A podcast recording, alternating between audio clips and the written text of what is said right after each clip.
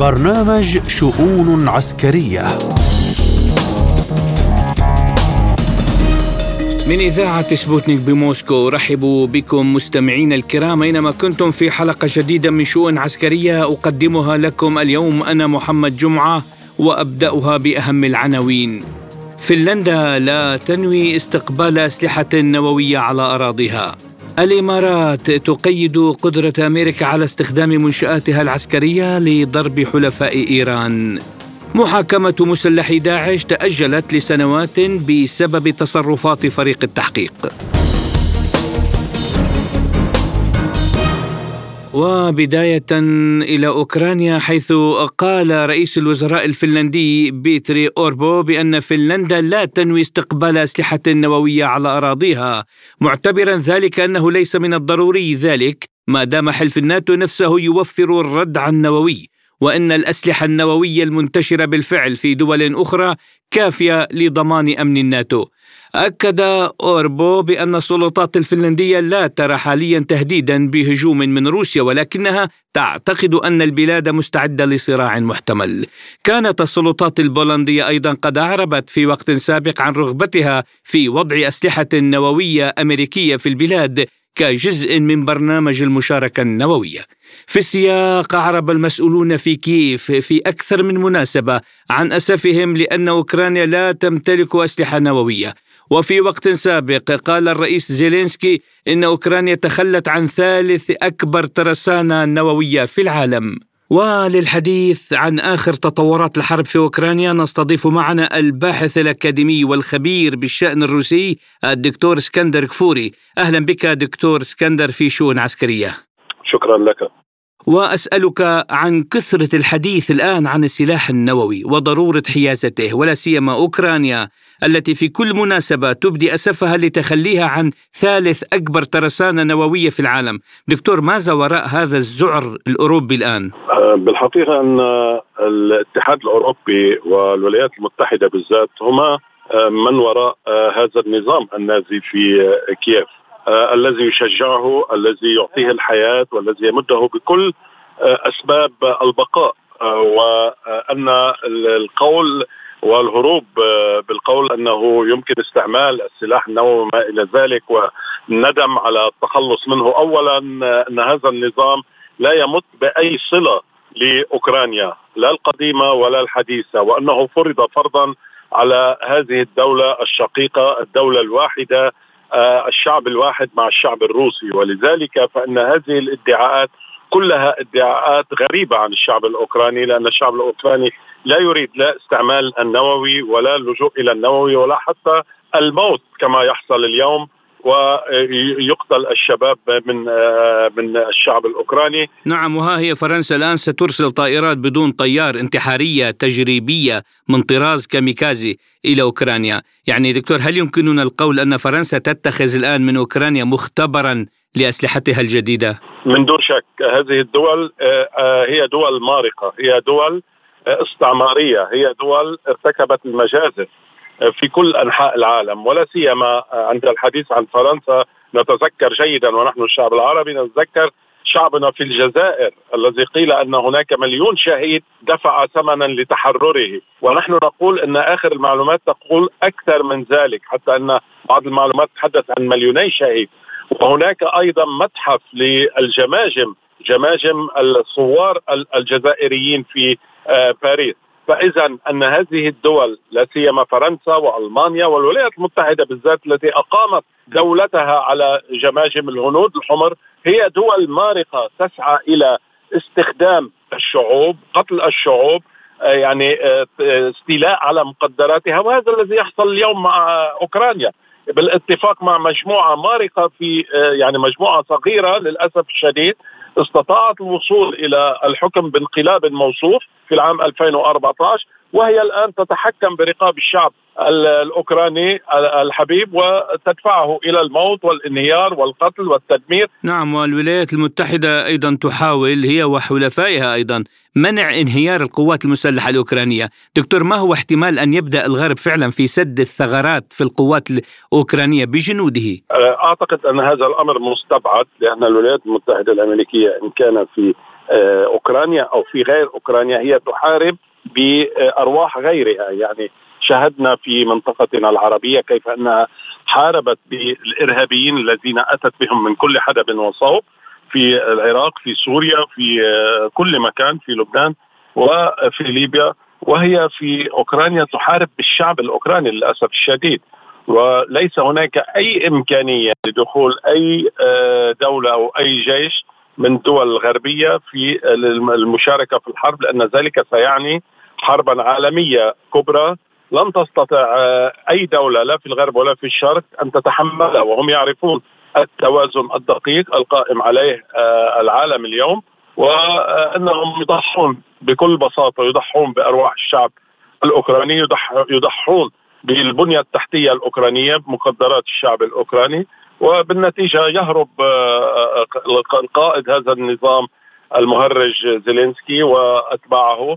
ويبقى الشعب الأوكراني يعاني نتيجة لهذا التفلت وهذه الصداقة والتعاون مع الغرب لأنها لم تنفع لا في ولا في أي دولة في العالم لا في فيتنام ولا في أفغانستان ورأيناهم كيف يهربون ولا في الدول العربيه التي آه، تحولت إلى دول خراب.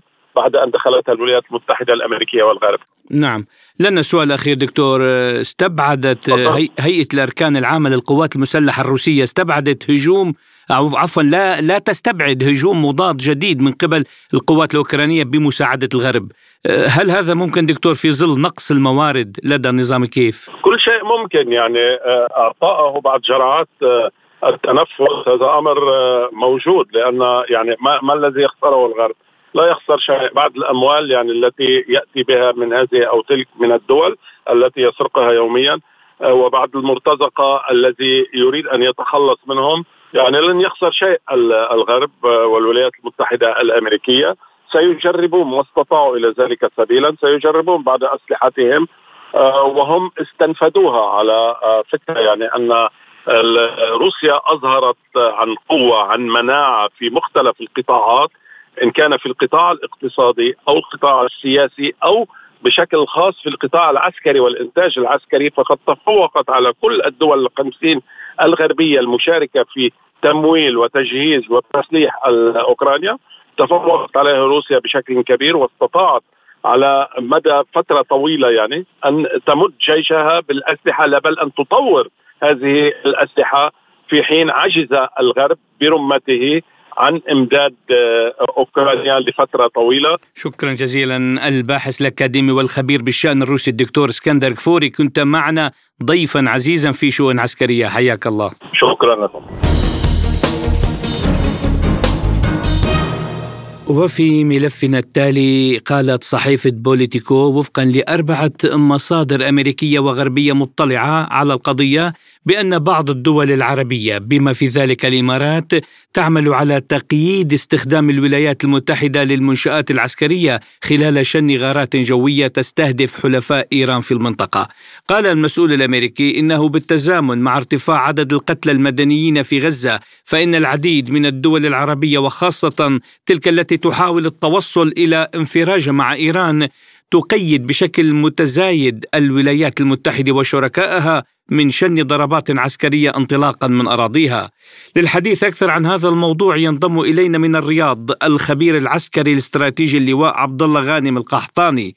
أهلا بك سيادة اللواء في برنامج شؤون عسكرية وابدا معك بما قالته صحيفه بوليتيكو بأن بعض الدول العربية بما في ذلك الإمارات تعمل على تقييد استخدام الولايات المتحدة للمنشآت العسكرية خلال شن غارات جوية تستهدف حلفاء إيران في المنطقة.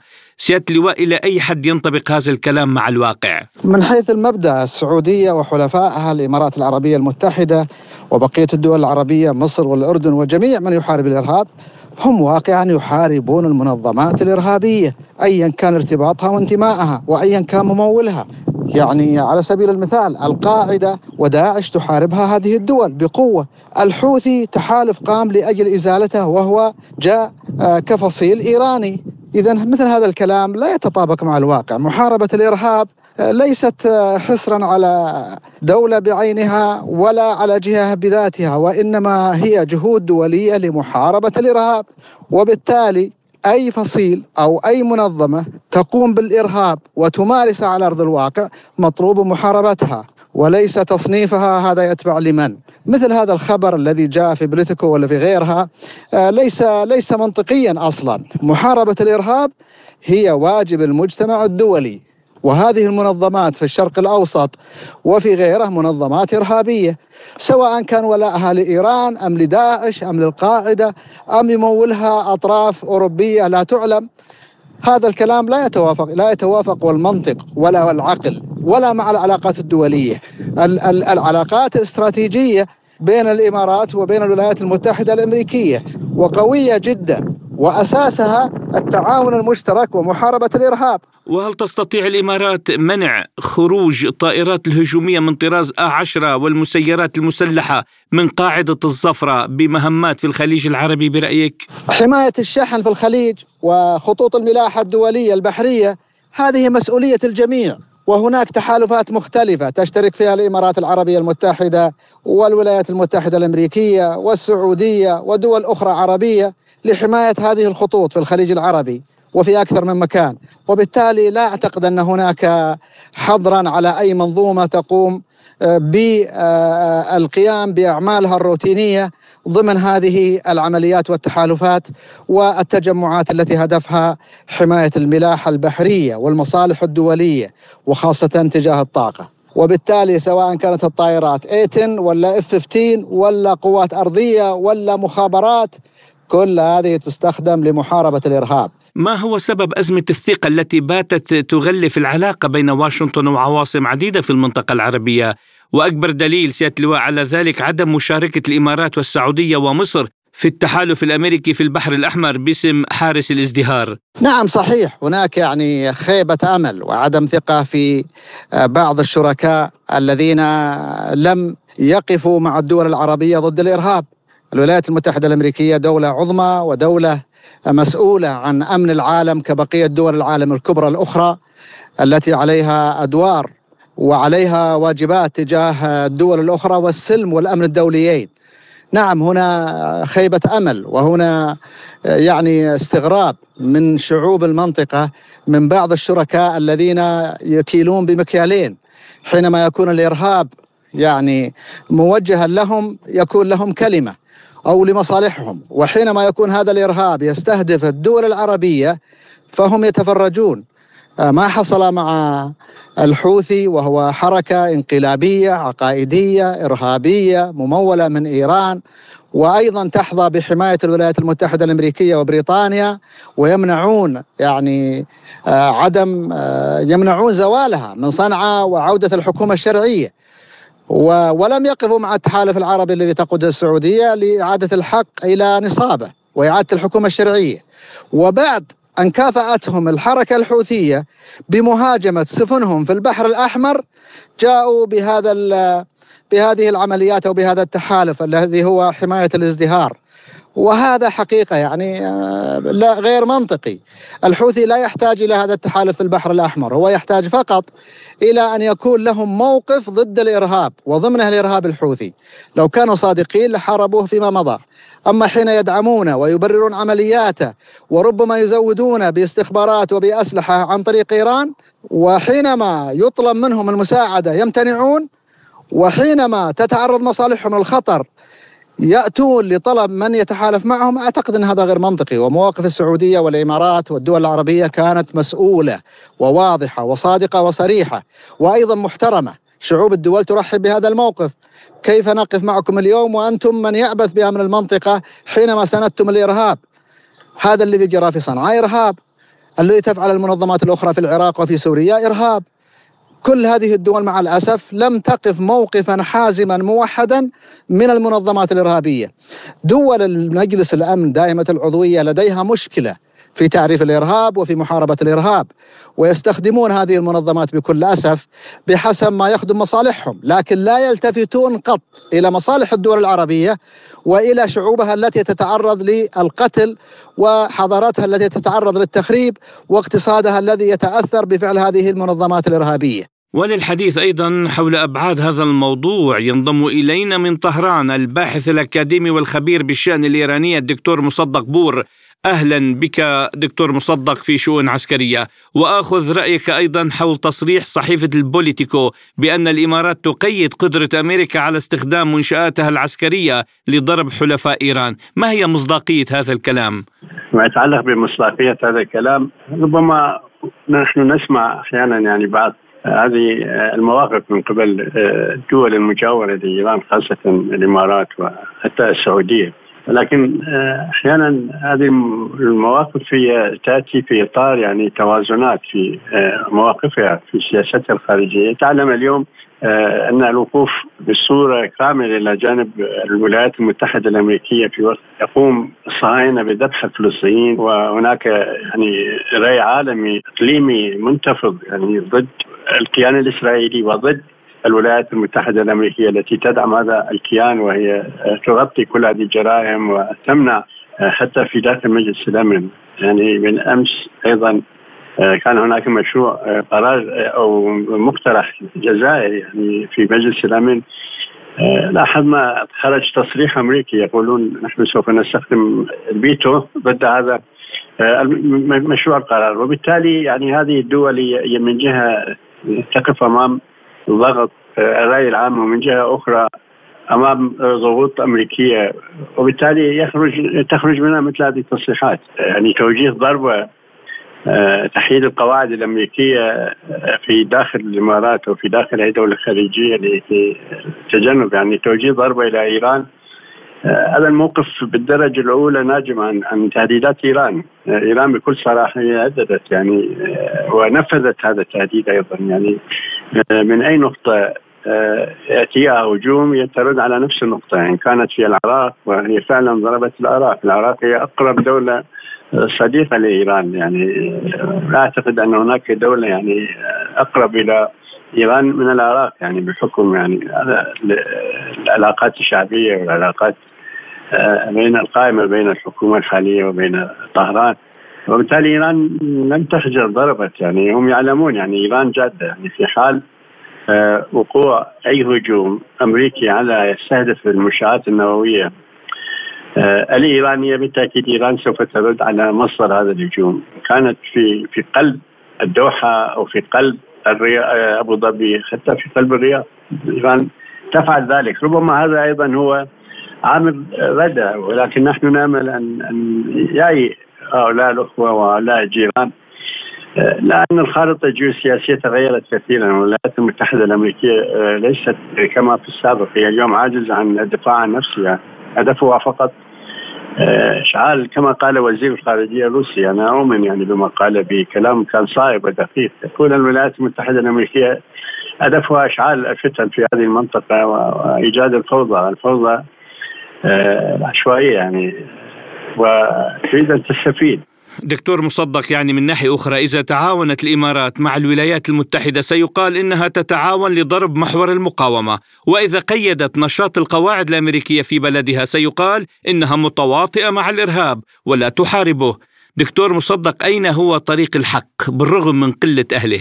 موضوع الإرهاب واضح يعني الإرهاب واضح لا يحتاج إلى تفسير يعني هم يخافون أن يقفوا إلى جانب المقاومة حتى لا يتهموا بأنهم إرهاب. هناك أدلة كثيرة معطيات كثيرة موجودة على الأرض يعني يمكن أن يستندوا إليها إنهم لا يدعمون الإرهاب. يعني أنا لا الاطفال 30000 طفل هم على إرهابيين يقتلونهم أمريكا هي الإرهابية. هذه اسرائيل هي الإرهابية. هم يقتلون الناس آه، المدنيين آه، العزل ويبيدون ويدمرون البنى التحتية. وبالتالي يعني هذا الشيء واضح في هذا. لا يمكن أن يكون ذريعة يعني هم يقولون نحن نحن في هذا الوسط. يعني ليس هناك حل وسط. يعني هذا الكلام هذا هذا مجرد يعني آه، تبرير ومجرد أنه توجيه رسائل إلى الجانب الأمريكي وحتى إلى الجانب الإيراني يريدون أن يقولوا هذا موقفنا يعني آه، آه، يعني يعبرون بأن هذا الموقف موقف غامض وليس معلوم. وبالتالي إيران لا تعرف ما هو حقيقة موقف الإمارات ولا ولا أمريكا أيضا تعرف. يعني هذا نوع من الهرب هذا غير مقبول أساسا يعني إنه يدعمون يدعمون الإرهاب. لماذا هؤلاء الإرهابيين؟ يعني الحوثي ينتفض اليوم لنصرة الشعب الفلسطيني ولا يتعرض سوى للسفن الإسرائيلية. يتهمونه إرهاب بدولي آه، وقرصنة ويعترض ويريد أن يخل بحركة الملاحة التجارية الدولية. حزب الله يدافع عن عن عن فلسطين عن الشعب الغزاوي. العراق أيضا يدافع عن هؤلاء عرب. هؤلاء عرب ليسوا فرس يعني عرب. وتقدموا أيضا على إيران يعني في توجيه ضربات مباشرة. ربما إيران لم توجه بعد آه، الضربات المباشرة. تدعم نعم تدعم بكل السبل حتى التسليحيه ولكن توجيه ضربات مباشرة على غير ما نشهده اليوم من حزب الله. طيب مين يقول حزب الله إرهابي؟ ومن يقول يمن إرهابي؟ ومن يقول حشد الشعبي إرهابي؟ هؤلاء يمثلون شريحة كبيرة. ونسبة عالية في مجتمعاتهم وموجودين. على حال هذا الموقف لا تقبل به. إيران يجب أن يصدر تصريح آه، رسمي نسمع تصريح رسمي ولا تنقله آه، صحيفة آه، أو موقع مثل بوليتيكو.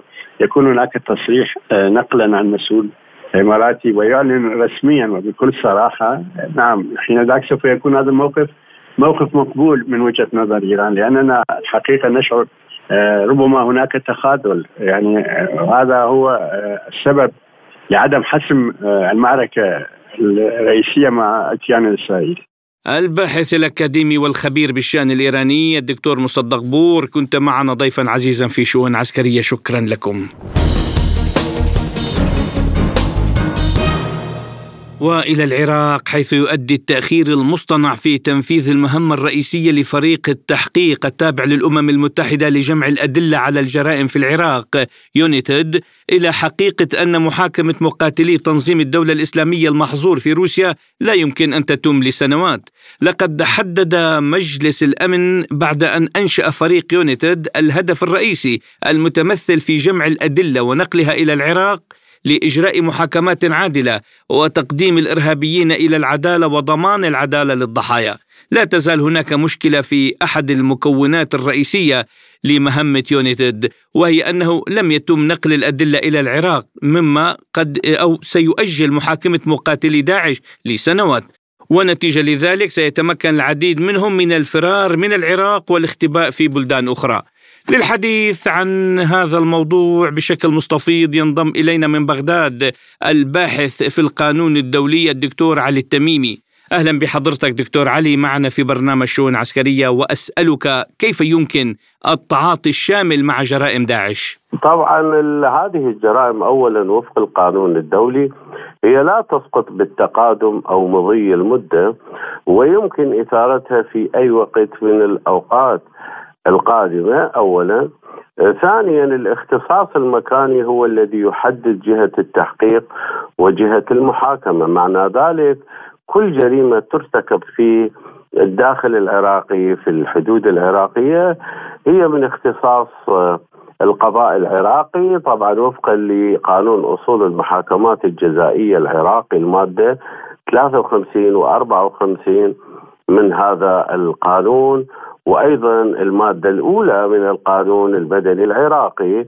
فهؤلاء الدواعش اللي ارتكبوا هذه الجرائم وأينما ذهبوا تطاردهم المسؤولية القضائية والمسؤولية الجزائية. والدول الأخرى هي مطالبة بتسليمهم إلى العراق لمحاكمتهم في الداخل العراقي لأنه المادة ستة وتسعة من قانون العقوبات أيضا توجب ذلك. من حيث المحاكمة إذا كانت الجريمة تؤثر في الأمن العراقي. هنا تسليمهم طبعا من قبل الدول التي هم فيها يعني إذا لم يسلموهم يكون يعني أما عن طريق الاتفاقيات الثنائية بين العراق وتلك الدول أو عن طريق الأنتربول الدولي اتفاقية الأنتربول الدولي اللي العراق منضم لها وهكذا تكون محاكمتهم هاي أولا.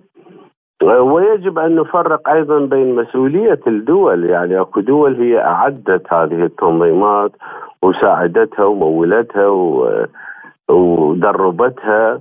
هذه طبعا أيضا العراق يستطيع أن يقاضي هذه الدول في الأمم المتحدة استنادا للمواد واحد واثنين وثلاثة من ميثاق الأمم المتحدة أيضا وفق قرار مجلس الأمن 2170 لعام 2014 اللي وضع داعش تحت الفصل السابع لأن هذه الدول تعد شريكة في الجريمة وعقوبة الشريك هي نفسها عقوبة الفاعل الأصلي دكتور علي لماذا هذا التأخير المصطنع من قبل فريق التحقيق التابع للأمم المتحدة لجمع الأدلة على جرائم داعش في العراق؟ إحنا يجب ان نفرق بين حالتين، حالة يعني التحقيق الداخلي العراقي اللي ذكرنا انه تقوم بالسلطات القضائية العراقية في مكان الحادث يعني آه، القضاء العراقي هو الذي يقوم بالتحقيق إذا كان تم إلقاء قبض على مجرمين أو صدرت أوامر قبض بحقهم. أو قسم منهم سلم نفسه. هذا القضاء العراقي هو الذي يتولى المحاكم العراقي. لكن تبقى جنبة أخرى هي جنبة التحقيق الدولي الأمم المتحدة لأنه عندما يصدر قرار بالمجلس الأمن هو تشكل قوات وتم تشكيل قوات التحالف بموجب ذلك وأيضا يعني يتم جمع الأدلة ورفعها إلى الأمم المتحدة سواء أقراص فيديوهات وثائق خرائط إفادات الشهود الاستماع إليهم وهاي ترفع إلى الأمم المتحدة للتوثيق أولا ثم أيضا لتعويض الضحايا من الأمم المتحدة لأنه هذه جرائم دولية منصوص عليها في القانون الدولي والأمم المتحدة هي راعية لكل المجتمعات وكل الدول بموجب الميثاق الصادر 1945 لهذا هذا التوثيق هو مهم جدا وهو يحتاج إلى أن يكون بالتنسيق مع الحكومة العراقية وليس بشكل منفرد. وهناك شواهد طبعا على التحقيق الدولي مثلا في كوسوفو وأيضا في راوندا في دول مختلفة كان هناك تحقيق دولي ووثائق. وهذا مهم جدا التوثيق للمستقبل بالنسبة لهذه الدول لأنه يشملها أيضا تعويض واعتبارها مدن منكوبة وضحايا وغيرها. كما يقول القانون الدولي. السؤال الذي يطرح نفسه ألا توجد في العراق المحاكم ذات الصلة القادرة على جمع الأدلة وإجراء المحاكمات لأسوأ تجمع ارهابي عرفه تاريخ البشرية؟ بالعكس تماما أستاذ يعني القضاء العراقي قضاء جيد واستطاع أن يحقق في الكثير من الجرائم وصدرت قرارات كثيرة على هذه يعني المشتركين في هذه الجرائم يعني وفق المادة أربعة من قانون مكافحة الإرهاب وصدرت قرار قرارات بالإعدام أيضا. لكن نتحدث عن يعني ليس عن هذا الجانب اللي اللي موجودين في الداخل. تعرف حضرتك يعني داعش كان هناك رؤوس وقادة من دول مختلفة فروا إلى خارج العراق. نتحدث عن هذه الشخصيات المجرمة التي فرت آه، وهي موجودة ربما في دول أخرى وبدفع من دول أخرى. هذه هي اللي يعني تحتاج إلى أن تجلب الموجود في الداخل العراقي تمت محاكمتهم.